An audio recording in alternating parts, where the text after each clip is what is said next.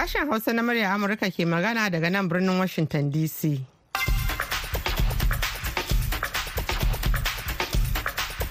Masu haramu Assalamu alaikum barkanmu da asuba. Sunana Hauwa Sharif tare nake da Muhammad Hafiz Baballe da sauran abokan aiki a wannan shirin na safiyar Juma'a 17 ga watan Nuwamba shekarar 2023. Kafin ku ji abubuwan da muke tafi da su ga Muhammad da kanin labarai. Isra'ila ta umarci Falasɗinawa da su fice daga garuruwa huɗu da ke kudancin Gaza a ranar Alhamis.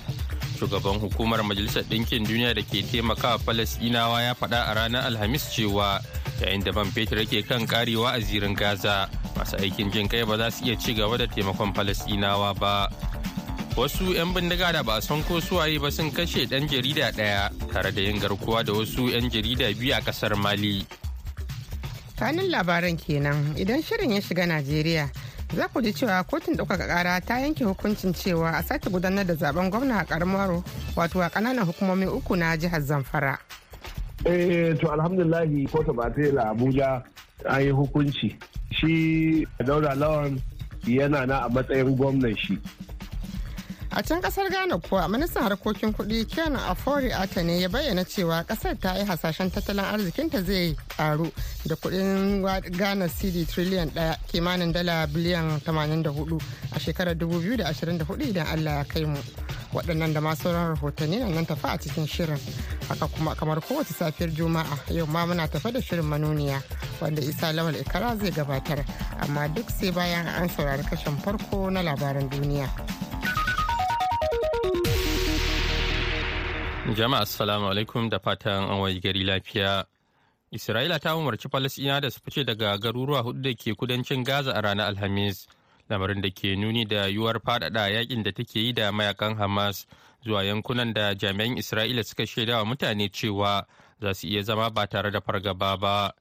Isra'ila ta zubo takardu daga jirgin sama a cikin dare, tana gaya wa fararen hula cewa su bar garuruwan Bani Shuhaila da Khuza'a da Abasan da kuma Qarara da ke gabar gabashin Khan Yunus babban birnin kudancin yankin. Takardun na cewa domin kare lafiyarku nan take kuna buƙatar barin wuraren da kuke zaune da tafiya zuwa wuraren da aka sani. Duk waɗanda ke kusa da 'yan ta'adda ko wurarensu yana jefa rayuwarsu cikin haɗari kuma duk gidan da 'yan ta'adda ke amfani da shi za a kai mai hari. Mazauna yankin sun ce isra'ila ta yi ruwan bama bamai cikin dare. Sa'o'i kaɗan bayan haka na sojin isra'ila ta ce ta gano gayawar yahidit west ɗaya daga cikin mutane 240 da hamas ta yi garkuwa da su a harin da ta kai a ranar 7 ga watan oktoba a ƙasar yahudawa. Sojoji sun ce sun gano gawarta ne a kusa da asibitin shifa da ke birnin gaza. A halin da ake ciki kuma shugaban hukumar majalisar ɗinkin duniya da ke taimakawa falasɗinawa UNRWA ya faɗa a ranar Alhamis cewa yayin da man fetur yake kan karewa a zirin Gaza masu aikin jin kai ba za su iya ci gaba da taimakon Falasɗinawa ba. Babban kwamishina Philip Lazzarini ya shaidawa manema labarai a Geneva cewa na yi imani akwai wani yunkurin murkushe ayyukanmu da kuma gurgunta ayyukan UNRWA. Ya ce hukumar UNRWA ta nemi man fetur na tsawon makonni kuma ta samu rabin babbar mota kawai a ranar laraba. Hukumar unrwa ta ce lita dubu ashirin da uku da aka samu ya zo da sharaɗi da hukumomin isra'ila cewa a motocin agajin hukumar kawai za a iya amfani da man. Labaran yana zuwa muku ne daga nan sashen hausa na murya amurka a birnin washington dc shugaban china shi jinping ya kasance cikin fara'a a yayin da ya sauka a birnin san francisco na jihar california da ke amurka. Inda tuni ya tattauna da shugaban amurka joe biden yayin da yake halartar taron tattalin arzikin asian pacific na shugabannin yankin. A can ƙasar gida kuwa china ta samu kanta a matsayin wata ƙasa da ta girgiza sakamakon wasu manyan al'amura da suka faru wannan shekara. Na baya-bayan nan shine na rasuwar tsohon firaministan ƙasar li chang ƙasa da makonni uku da suka wuce. A ƙarƙashin jagorancin shi musamman a cikin shekarar da ta wuce. Ƙasar china ta yi fama da ƙalubale iri daban-daban tun daga koma bayan tattalin arziki da rashin aikin yi da matasa ke fama da shi da rashin jin daɗin jama'a dangane da manufofinsa wanda ya kai har da koran manyan jami'an gwamnatin da ya naɗa. Masu sharhi kan al'amura sun ce waɗancan ƙalubale da martanin jama'a sun haifar da rashin amincewa da raguwar farin jinin shugaba shi. A ƙarshen watan da ya wuce labarin ba zata na mutuwar tsohon firaministan ƙasar li khachan shine lamarin lamarin baya-bayan nan da ya ɗauki hankulan jama'a da nuna damuwa.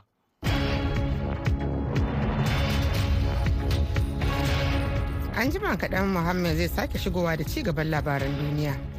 Kafin nan bari mu je ga wakilin sashen hausa sani sha'ibu malumfashi domin jin yadda kotun ɗaukaka ƙara a najeriya ta yanke hukuncin da aka da cewa sai an sake lale ta sake gudanar da zaɓen gwamna a ƙananan hukumomi uku da ke jihar zamfara. Ga sani sha'ibin da cikakken rahoto.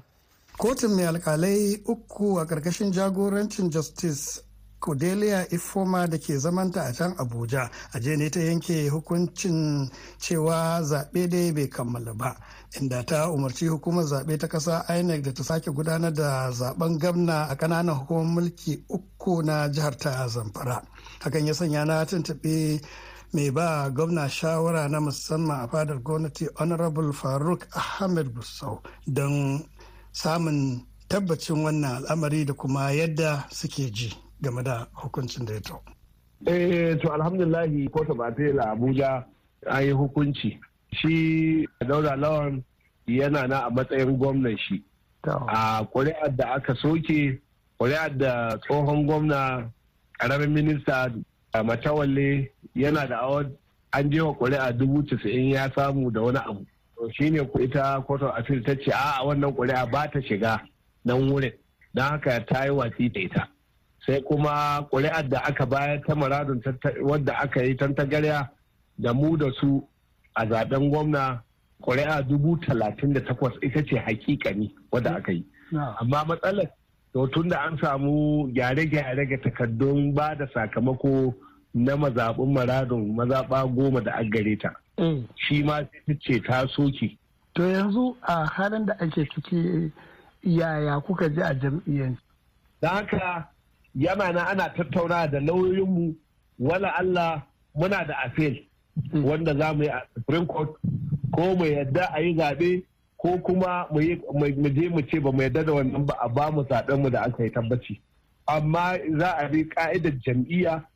Na kuma zanta da tsohon mai ba gamna matawalle shawara kan harkokin shari'a barista Abdulrashid Haruna. don jin yadda suke kallon wannan hukunci. To alhamdulillah kamar yadda ka sani an yanke hukunci kotun ɗaukaka ƙara ta yi watsi da hukuncin da ainihin kotun farko ta yi ta tribunal inda ta tabbatar da dauda lawal a matsayin wanda ya ci zaɓe. A ita wannan kotun ɗaukaka ƙara ta yi la'akari da wasu abubuwa da ita ainihin kotun farko bata tattauna ba wanda a sakamakon la'akari da waɗannan abubuwa ta ce kotun farko ta yi kuskure wajen tabbatar da dauda a matsayin wanda ya ci zaɓe. An ce za a sake wannan zaɓe a wurare da kuke kallon wannan al'amari. Eh alhamdulillah dama kamar yadda muka roƙi kotu shine ko dai a tabbatar da His Excellency Dr. Bello Matawallan Maradun ya ci zaɓe idan aka yi la'akari da ƙuri'un da ya samu a Maradun ko kuma idan har ba a yarda ba in the alternative a zo a sake zaɓe a muradun din da sauran wuraren da ba a yi zaɓe ba domin kamar yadda yake akwai wuraren da ko zaɓe ma ba a yi ba a kan cewa za a je washe gari a je a yi zaɓe amma saboda wasu dalilai waɗanda ita hukumar zaɓe kaɗai ta san dalilan aka ayyana cewa dauda lawal shi ya ci zaɓe ba tare da an je an yi wannan zaɓen ba. yanzu dai jam'iyyar pdp da ke riƙe da mulki a jihar tana da damar iya ɗaukaka ƙara a gaba. San Shabi Malumfashi murya Amurka daga Gusau a Najeriya. An gaida Sani Shabi Malumfashi da wannan rahoto. To a wani gefen kuma a halin da ake ciki rundunar 'yan sandan jihar Kano da ke arewa maso yammacin Najeriya ta ce shugabannin jam'iyyun APC da NNPP sun rattaba hannu akan yarjejeniyar zaman lafiya a jihar gabanin hukuncin da kotun ɗaukaka ƙara za ta yanke nan gaba a yau akan zaɓen gwamnan jihar. kwamishinan 'yan sandan jihar muhammad hussaini gumal ne ya bayyana hakan a wani jawabi da yi wa manema labarai wanda kakakin 'yan sandan jihar abdullahi haruna kiyawa ya wallafa a shafinsa na facebook a ranar alhamis a cewar gumel hukumomin tsaron jihar za su hukunta duk wanda ya yi yunkuri na tada husuma gabani ko kuma bayan sanar da hukuncin da kotun ɗaukaka ƙara za ta yanke a abuja babban birnin najeriya a yau juma'a Kada dai a shagala ana sauraron shirin ne daga nan birnin Washington DC. Ana kuma iya sauraron shirye-shiryenmu da suka gabata a shafukanmu na yanar sadarwar Facebook, Twitter da Instagram. Yanzu ga Muhammad Hafiz da ci gaban labaran duniya. Wasu 'yan bindiga da ba a san ko suwaye ba sun kashe ɗan jarida ɗaya tare da yin garkuwa da wasu 'yan jarida biyu a farkon wannan watan a ƙasar Mali. Kamar da cibiyar yada labarai ta ƙasa da ƙasa IPI ta bayyana a ranar Laraba, inda ta ƙara jaddada irin barazana da kafafen yada labarai ke fuskanta a yankin. Abdulaziz Jibrila, ɗan jarida ne da ke aiki da gidan rediyon nata da daraktan gidan rediyon Cotton FM, Salik Ag Jido. Da mai gabatarwa na Cotton FM Mustapha Kone suna tuƙi ne a arewacin Mali a ranar bakwai ga watan Nuwamba lokacin da suka ga 'yan bindiga a kan hanya a cewar IPI. A lokacin da suka yi ƙoƙarin juyawa 'yan bindigar da ba son ko suwaye ba sun yi harbi kan motar inda suka kashe Jibrila. ji ƙungiyar 'yan jarida ta ƙasa da ƙasa wato Reporters Without Borders. Daga nan ne sai 'yan bindigar suka yi awon gaba da Jiddo da Kone. Sai dai abin da ba a sani ba shine ko 'yan jarida an kai musu hari ne saboda aikinsu. Daga ƙarshe tauraron dan wasan liverpool muhammad salah ta tauraruwar dan wasan liverpool muhammad salah ta haska a birnin alkahira inda ya zura kwallaye huɗu a wasan da masar ta lalasa ƙasar jibuti da ci shida da babu a wasan neman gurbin shiga gasar cin kofin duniya. Salah ya zira kwallaye uku tun a zagayen farko na mintuna 45 na wasan a filin wasa na ƙasa da ƙasa da ke alkahira. Ya zira ƙwallo ta huɗu a lokacin da aka kusa tashi a wasan. Wannan ne karan farko da Masar ta buga wasan neman gurbi na Afirka na shiga gasar cin kofin duniya ta 2026 da aka ƙara yawan ƙasashe. Kasar ta lashe kofin nahiyar Afirka sau bakwai ta gaza samun cancantar shiga gasar kofin duniya da aka yi a ƙasar Qatar. Bayan da ta halarci gasar shekarar 2018 a rasha a gefe guda kuma najeriya ta yi kunnen doki da ci ɗaya da ɗaya da lesotho yayin da algeria ta yi galaba da ci uku da ɗaya akan somaliya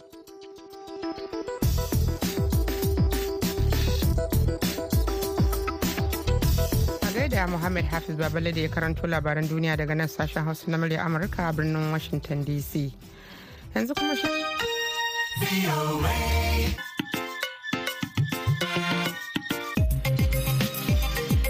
madalla yanzu kuma shirin zai lula ghana inda gwamnatin ghana ta yi hasashen tattalin arzikin kasarta zai kai kuɗin ghana cd tiriliyan ɗaya kimanin dala biliyan 84 a shekarar 2024 idan allah ya kai mu. Yayin da ta janye wasu haraji domin ragewa al'ummar ƙasar daɗin matsalin tattalin arziki da suke fuskanta. Wakilin mu a ghana idris abdullah bako ya aiko mana da wannan rahoton. Speaker, the 2024 budget is even more significant because we crossed the 1 trillion gross domestic product mark for the first time in our economic history. Minista harkokin kuɗi na Ghana Ken Ofurata kenan a lokacin da yake bayanin kasafin kuɗin 2024. Ya mai girma kakakin majalisa kasafin kuɗin 2024 yana da muhimmanci ƙwarai saboda za mu haye Ghana CD triliyan ɗaya na GDP a karon farko a tarihin tattalin arzikinmu. Ministan ya kara da cewa cewa hauhawar farashin kaya ya fara raguwa daga kashi 54.1 a watan Disamba na 2022 zuwa kashi 35.2 a watan Oktoban 2023. Tattalin arzikin ya dago da kashi 3.2 cikin 100 a farkon kwata biyu na wannan shekarar. Haka kuma ministan ya zayyana yunkurin gwamnati ta rage wa 'yan ƙasa da kamfanoni radadin matsalar tattalin arziki ta hanyar janye wasu haraji da suka hada da harajin VAT akan atamfofi na cikin gida na tsawon shekaru biyu da harajin motocin lantarki don jigilar jama'a na tsawon shekaru takwas harajin kayayyaki da ake amfani da su a asibitoci harajin audugan mata da ake yi a nan cikin gida an janye harajin shigowa da injina da motocin noma da harajin magunguna da ake shigowa da su daga waje. Wasu al'ummar ghana sun bayyana wa muryar amurka ra'ayinsu game da kasafin kuɗin. Sunana malam isa daga accra ghana. Gaskiya wannan kasafin kuɗi da finance minister ya gabatar da shi gaskiya ba zai taimaka mana ba. Ko ka duba wurin shigan motar mu zo aiki mu koma ba abin da ya rage wurin. Don fetur shi ke kawo kayan a kauyuka a shigo da shi. Ni ne naku alhaji gadon fusga na fadama. Finance minister ya yi magana maganganu da dama game da batun ragewan haraji da dama. To lalle kam mun ji daɗi ƙwarai da gaske. Sunana rahifa mukra ghana. An karata muna budget kuma bai ma mu talakawa wani tasiri ba. Domin muna taman da aka zo harajin da aka dibiya da kai bari talakawa na shan wuya muna taman da aka zo za a fi da wadannan haraji ne. Amma ba mu gan shi haka ba. Tun shanin wuta tun shanin petro don lori shiga lori fita ba wasa ba ne. Komai ya yi tsada kuma gwamnatin gan da ka zo ba haka ka gaya ba. Yau gashi an zo an faɗi kullum kowace shekara an zo a gaya mana kuma musuwa karuwa yake. Malam nuhu iliyasu wani malamin tattalin arziki da harkokin kuɗi a jami'ar islamiyya ta ghana kuma babban daraktan dandalin ba da shawarwari wato advocacy and policy alternative forum ya yi tsokaci. 2024 budget ga akwai measures da ya announce sai a ra'ayina in an implement da cewa ya kawo big relief to the ordinary Ghanaian. The first measure is that manomi kayan da suke use suke noma. Da si. In aka kawo from abroad uh, ba biya taxes on them ba. Cost of production na ya zama low. Means that food inflation kuma ya zo kasa. So in food inflation ya zo kasa ordinary Ghanaian da da ke spend kuɗi da yawa ya sai abinci yanzu kuɗin abinci zai zo kasa ne. Number two waransu aikin da hospital ake use ake treat mutane da hospital. And so in aka cire taxes kan si what it means is that duk wanda ya ce hospital zai biya lesser compared to kan da da yake biya. And the third one to waɗanda ke produce kamar magunguna akan ga. In su kawo raw materials da zai taimake su su produce magungunan nan. Wannan kuma an doki taxes sannan kai kuɗin magani ya zo kasa. An implement waranga three measures in my view ya kawo big big relief to the ordinary Ghanaian. yanzu majalisar dokoki na ƙasa za ta ci gaba da muhawara kan kasafin kuɗin.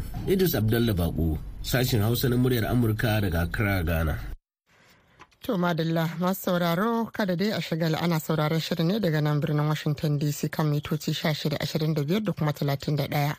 A jamhuriyar Nijar za a iya sauraron mu a tashar mata VOA Africa a kan mita 200.5. Baya ga haka a koshe ake so za a iya zuwa shafukanmu na intanet a voahausa.com ko kuma sashen hausa.com. Yanzu kuma ga shirinmu na gaba. Manuniya.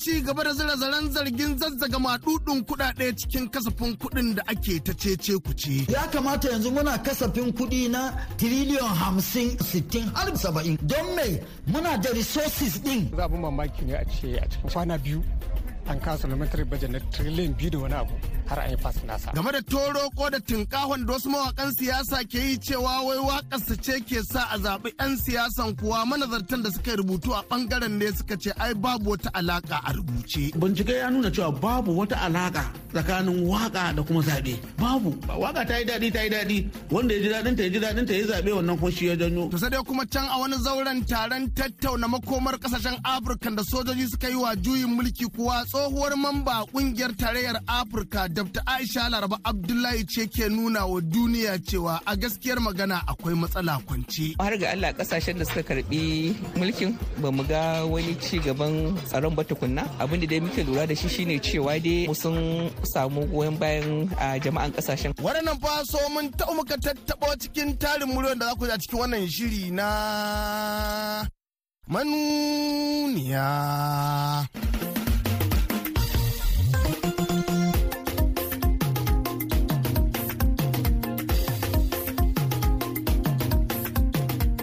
Mai sauraro Assalamu alaikum barkamu da wannan lokaci kuma sanin da sa'ar sake saduwa a cikin sabon shirin manuniyan da ke baje dalla-dallan bayanai babu kauce-kauce. Shiri na ɗari da arba'in da huɗu cikin jerin shashiren manuniyan da ke nunar da yadda za a gyara lamuran da suka kurkuce. Zargin su kurkucewar kuma amma a jam'iyyar APC ce ta sa shugaban jam'iyyar a jihar Niger Alhaji Aminu Musa Bobi ya bayyana yana baje bayanin cewa zaɓen kogi da imadai ya tabbatar da karbuwar jam'iyyar apc da ke mulki tun da dai gashi nan yanzu ita ta zarce dama abin da muke nuna mutane cewa wannan guguwa na ubangiji ne ba na buhari ba. Saboda haka zabukan da aka yi na jihohi guda uku alhamdulillah mun gode ma allah. Cikin jihohi uku mun samu jiha biyu ita ma bayelsan muna kyauta zaton insha Allah za ta zo a hannunmu saboda muna nan muna bin kadu. Jam'iyyun adawa nan sun ɗan korafi an tafka magudi da sauransu. Ku ba ku ganin wannan? Aini na je jihar kogi a jam'iyyun da ake magana ma kamar dini malayi asirin shi ne tauna a ƙasa saboda da duniya na kallon cewa za a yi gwagwagwa kukan da da shi. Sai ya zama shi ya zo na uku. Ko sdp da ta zo na biyu daga jam'iyyar apc ya fita koma sdp kuma in jama'a za su duba cewa an gama zaɓe ya ce ba zai je kotu ba. Saboda haka da gaggawa mu musamman ciyamomi na wayannan jihohi guda takwas za mu kai mashi ziyara domin mu jawo hankalin shi ya koma dawa cikin jam'iyyar apc za su ɗauka kamar za ku je lallashin shi ne kamun kafa don kai. Eh to ko mun je lallashi mu a matsayin mu shugabanni na jam'iyya ai wajibi ne mu jawo mutane. Game da tutiyar tinkahon tasirin waƙoƙin siyasa wajen zaɓen shugabanni kuwa shehun malamin jami'an nan farfesa abdalla uba adamu na jami'ar bayero da yake cewa babu wata alaka da aka gano a nazarce. Abun mamakin shine bincike ya nuna cewa babu wata alaka tsakanin waƙa da kuma zaɓe. Babu. Duk waƙa da za ka yi kana yaban wani ko kana zagin wani wannan ba zai sa mutane su zaɓe shi ko kar su zaɓe shi ba. Akwai wayansu abubuwa da suke sa mutum ya yi zaɓe amma ba wai dan ya ji waƙa ba. Wanda kuma ba sa jin waƙa ko suke zaɓen fa. Daga america zuwa ingila zuwa ina ne duk mun yi wannan nazarin babu wata alaka ko kwankwasa dawo dawo ba ta tasirin da ya dawo ba ko karan saboda akwai da yawa wanda ba su san waƙar ba ba su saurare ta ba kuma sun sun sun yi zaɓen to kaga ai ba za ka ce wai waƙa ce ta sa aka aka mutum ba. Waka ta yi daɗi ta yi daɗi. Wanda ya ji daɗin ta ya ji daɗin ta ya zaɓe wannan kun shi ya janyo. Amma akwai wanda suka ji waƙar ta yi musu daɗin kuma ba sa san shi ba za su zaɓe shi ba. Kaga kenan masu ba wa mawaka kuɗi don su ci jarafin 'yan siyasa ba ta kuɗin su kawai suke amma shi mawaƙi babu ruwansa. Zai shiga motar miliyan ashirin miliyan talatin zai gina gidan miliyan ɗari da wani abu. Zai zai je inda bai taɓa zuwa ba zai shiga private jet. Amma dai idan kuma aka zo aka tace aka tankaɗe aka rairaye sunan shi maroƙi. Komai iyawarsa a maroƙi suke ɗaukansa. Idan ya fito ce na neman auren ere da 'ya'yansu ba wanda zai yarda. tun bayan buga hatimin amincewa da ƙaramin kasafin kuɗin da masar ƙasa ta yi wasu 'yan ƙasa suka fara korafin cewa a gaskiya fa abubuwa sun lalace. Tsohon dan majalisar ƙasa har sau biyu a jere daga jihar bauchi honorable madaki ahmad gololo ya ce su a lokacin su sai sun tsatsefe kasafin kuɗi kafin su bari ya wuce. A lokacin speaker mu shine tsohon gwamnan sokoto tambuwa majalisa tana tsayawa duk abin da shugaban kasa ya kawo sai an tsaya an diddigin sa musamman ma kasafin kuɗi. A gan yaya za a samu kuɗin kaina za a samu kuɗin ya za a yi amfani da wannan kuɗin. Amma yanzu abin mamaki ne a ce a cikin kwana biyu an kawo supplementary budget na trillion biyu da wani abu har an yi fasa nasa. Na ganin wannan kai ya kamata 'yan majalisa gaskiya su duba. Ya tabbatacce duk lokacin da aka yi majalisa tun daga farko zuwa yanzu duk lokacin da aka zo majalisa ana tsayawa 'yan majalisa motoci saboda gudanar da ayyuka. Amma na sa asambili da muka majalisa ta kare ta kwana-kwanan nan kwata-kwata motocin miliyan 23 ne aka samu. Kuma a yanzu a inda halin da kasa yake a ce an sa da majalisa mota ta miliyan 160 gaskiya tana ganin ya yawa. Saboda ƙarshen shekara huɗu ana sayarwa da majalisa wannan mota. Amma ta kuɗin ta wajen kuɗin sa na sallama da za a yi masa. To gratuity na kwata-kwata da majalisa tarayya bai wuce miliyan shida ba ko miliyan biyar. To ta yana za a biya shekara huɗu ta yana za a samu kuɗin za a biya wannan? Ya kamata a duba halin da talaka suke ciki a duba tattalin arziki mu Najeriya bashin da yake kan Najeriya ya yi yawa. Sai dai kuma tuni shugaban kwamitin bin diddigi na masar da tijan tare Najeriya sanata Ahmad Ali Wadada ne ya ce ai tunda dai kasafin kuɗin kan yi kaɗan ne a dawo a nemi ƙari ya kamata ne ma a fara yin kasafin kuɗin a wadace. Nawa ne ake shirin presenting 2024? Trillion biyu da nawa ne? Triliyan ashirin da Triliyan takwas. To ki raba triliyan ashirin da takwas budget per capital wato kowane ɗan Najeriya nawa za ki samu? Ba dan Najeriya da zai samu fiye da dala ya kai dala dubu biyu. To nawa kake ganin ya kamata a ce shine kasafin kuɗin Najeriya? Ya kamata yanzu muna kasafin kuɗi na tiriliyon hamsin tiriliyon sittin don me idan za mu kamanta gaskiyan da ya dace tsakaninmu muna da resources da zai yi bakin muna da kuɗin muna da ma'adanan muna da komai da zai yi kasafin kuɗi na biliyan hamsin biliyon sittin har biliyon saba'in. To me yasa ba a yi? Ba a yi saboda yanayin shugabanci da yanayin da muka saba tafiya. Buhari ne ma ya zo ai yayi ƙoƙari ya daga budget. In ba haka ba mun dunga tafiya kenan. An yi budget shekara ya kusa karewa supplementary budget wane ne budget? Kuma yan kasa suna su suna nan tunani suke kamar duk budget ɗin nan yi ake kawai yan majalisa da shugabanni na gwamnati suke raba wa junansu wanda kuma ba haka ba ne game da maganar ƙasashen afirka da sojoji suka yi wa juyin mulki kuwa wani taron tattauna makomar ƙasashen ne jiyo tsohuwar mamba ƙungiyar tarayyar afirka dabta aisha laraba abdullahi na cewa akwai dai wata matsala da aka gano a hukumance. Gaskiya da wuya kai tsaye mutum ya ce ga mafita shi yasa aka kira mu irin wannan taro din domin mu tattauna. Amma abin da ya bayyana zahiri shine cewa in aka lura yawancin ƙasashen da ake samun juyin mulki musamman a nan ƙasashen afirka ta yamma in ka duba ƙasar gini ƙasar mali burkina faso niger yanzu su ne na kwanan nan. Za ka duba yawancin ƙasashe ne wanda suke cikin ƙasashen da ake kira sahel wanda guri ne wanda yake busasshen guri suna fama da talauci ga faɗin girman kasa yadda gwamnati da wuya takan samu ma wasu gefen asan da su. Banda kuma kasancewar 'yan ta'adda sun mai da yanzu wayannan ƙasashen kamar gidajensu ne. Domin yawancin sojojin da suka yi juyin mulki in ka yi magana da su sai su ce ai sun ga yadda lamarin tsaro wato security yake a wannan ƙasashen shi yasa suka ga gara su zo su yi da kansu. To amma har ga Allah ƙasashen da suka karɓi mulkin ba mu ga wani ci gaban tsaron ba tukunna ba mu san ko gaba za mu gani ba. Abin da dai muke lura da shi shine cewa dai akwai wasu su daga cikin su sun samu sun samu goyon bayan a jama'an ƙasashen kansu. Wala Allah hala shugabannin daɗin da wasu abubuwa da ba su ba ne ko kuma dai abu ne da lokaci zai nuna. Amma dai yanzu halin da muke ciki gaskiya wannan babbar barazana ce.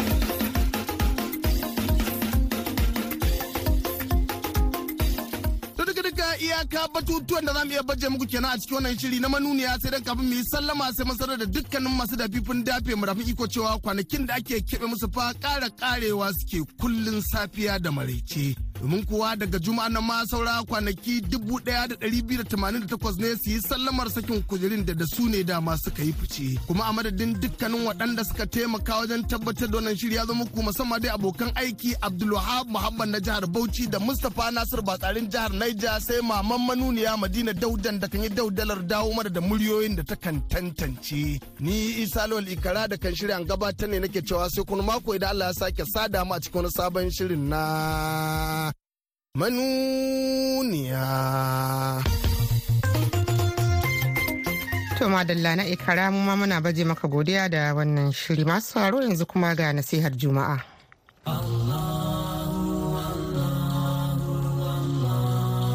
Sunana Muhammad Zaharuddin Usman.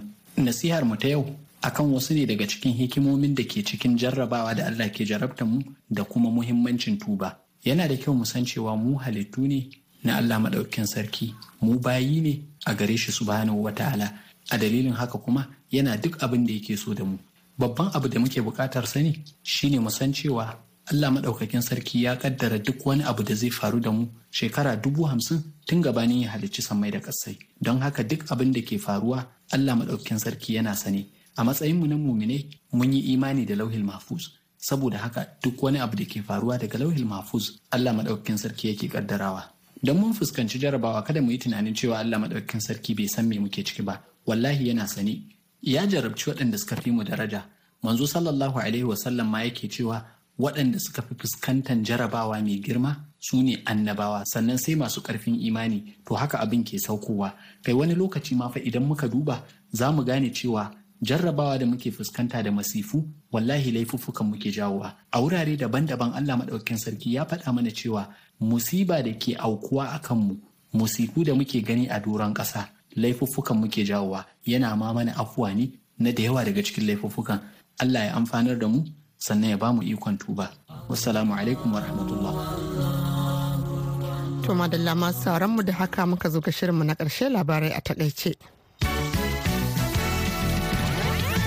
Isra'ila ta umarci Falasɗinawa da su fice daga garuruwa huɗu da ke kudancin Gaza a ranar Alhamis, lamarin da ke nuni da yiwuwar faɗaɗa yaƙin da take yi da mayaƙan Hamas zuwa yankunan da jami'an Isra'ila suka shaidawa mutane cewa za su iya zama ba tare da fargaba ba. Shugaban hukumar Majalisar Ɗinkin Duniya da ke taimakawa Falasɗinawa ya faɗa a ranar Alhamis cewa yayin da man fetur yake kan karewa a zirin Gaza, masu aikin jin kai ba za su iya ci gaba da taimakon Falasɗinawa ba. Wasu 'yan bindiga da ba son ko suwaye ba sun kashe ɗan jarida ɗaya tare da yin garkuwa da wasu 'yan jarida biyu a ƙasar mali To masu sauran baki ɗaya a nan muka zo ga ƙarshen shirin kuma za mu naɗe tabarmar shirin a halin yanzu sai kuma idan Allah ya kai mu an jima da hantsi da ƙarfe a wagon Najeriya, Nijar kamar da Chadi wanda zai daidai da ƙarfe bakwai a wagon GMT da Ghana za ku ji mu ɗauki da wani sabon shirin. Yanzu a madadin dukkan waɗanda suka ba da gudunmawa ga kammaluwar shirin musamman Muhammad Hafiz Baballe da ya taya ni gabatar da shirin da Dadi Balawe da ya ba da umarni da ma injiniyan mu na yanzu. Hawa Sharif ke muku fatan alheri daga nan birnin Washington DC. sai an ku.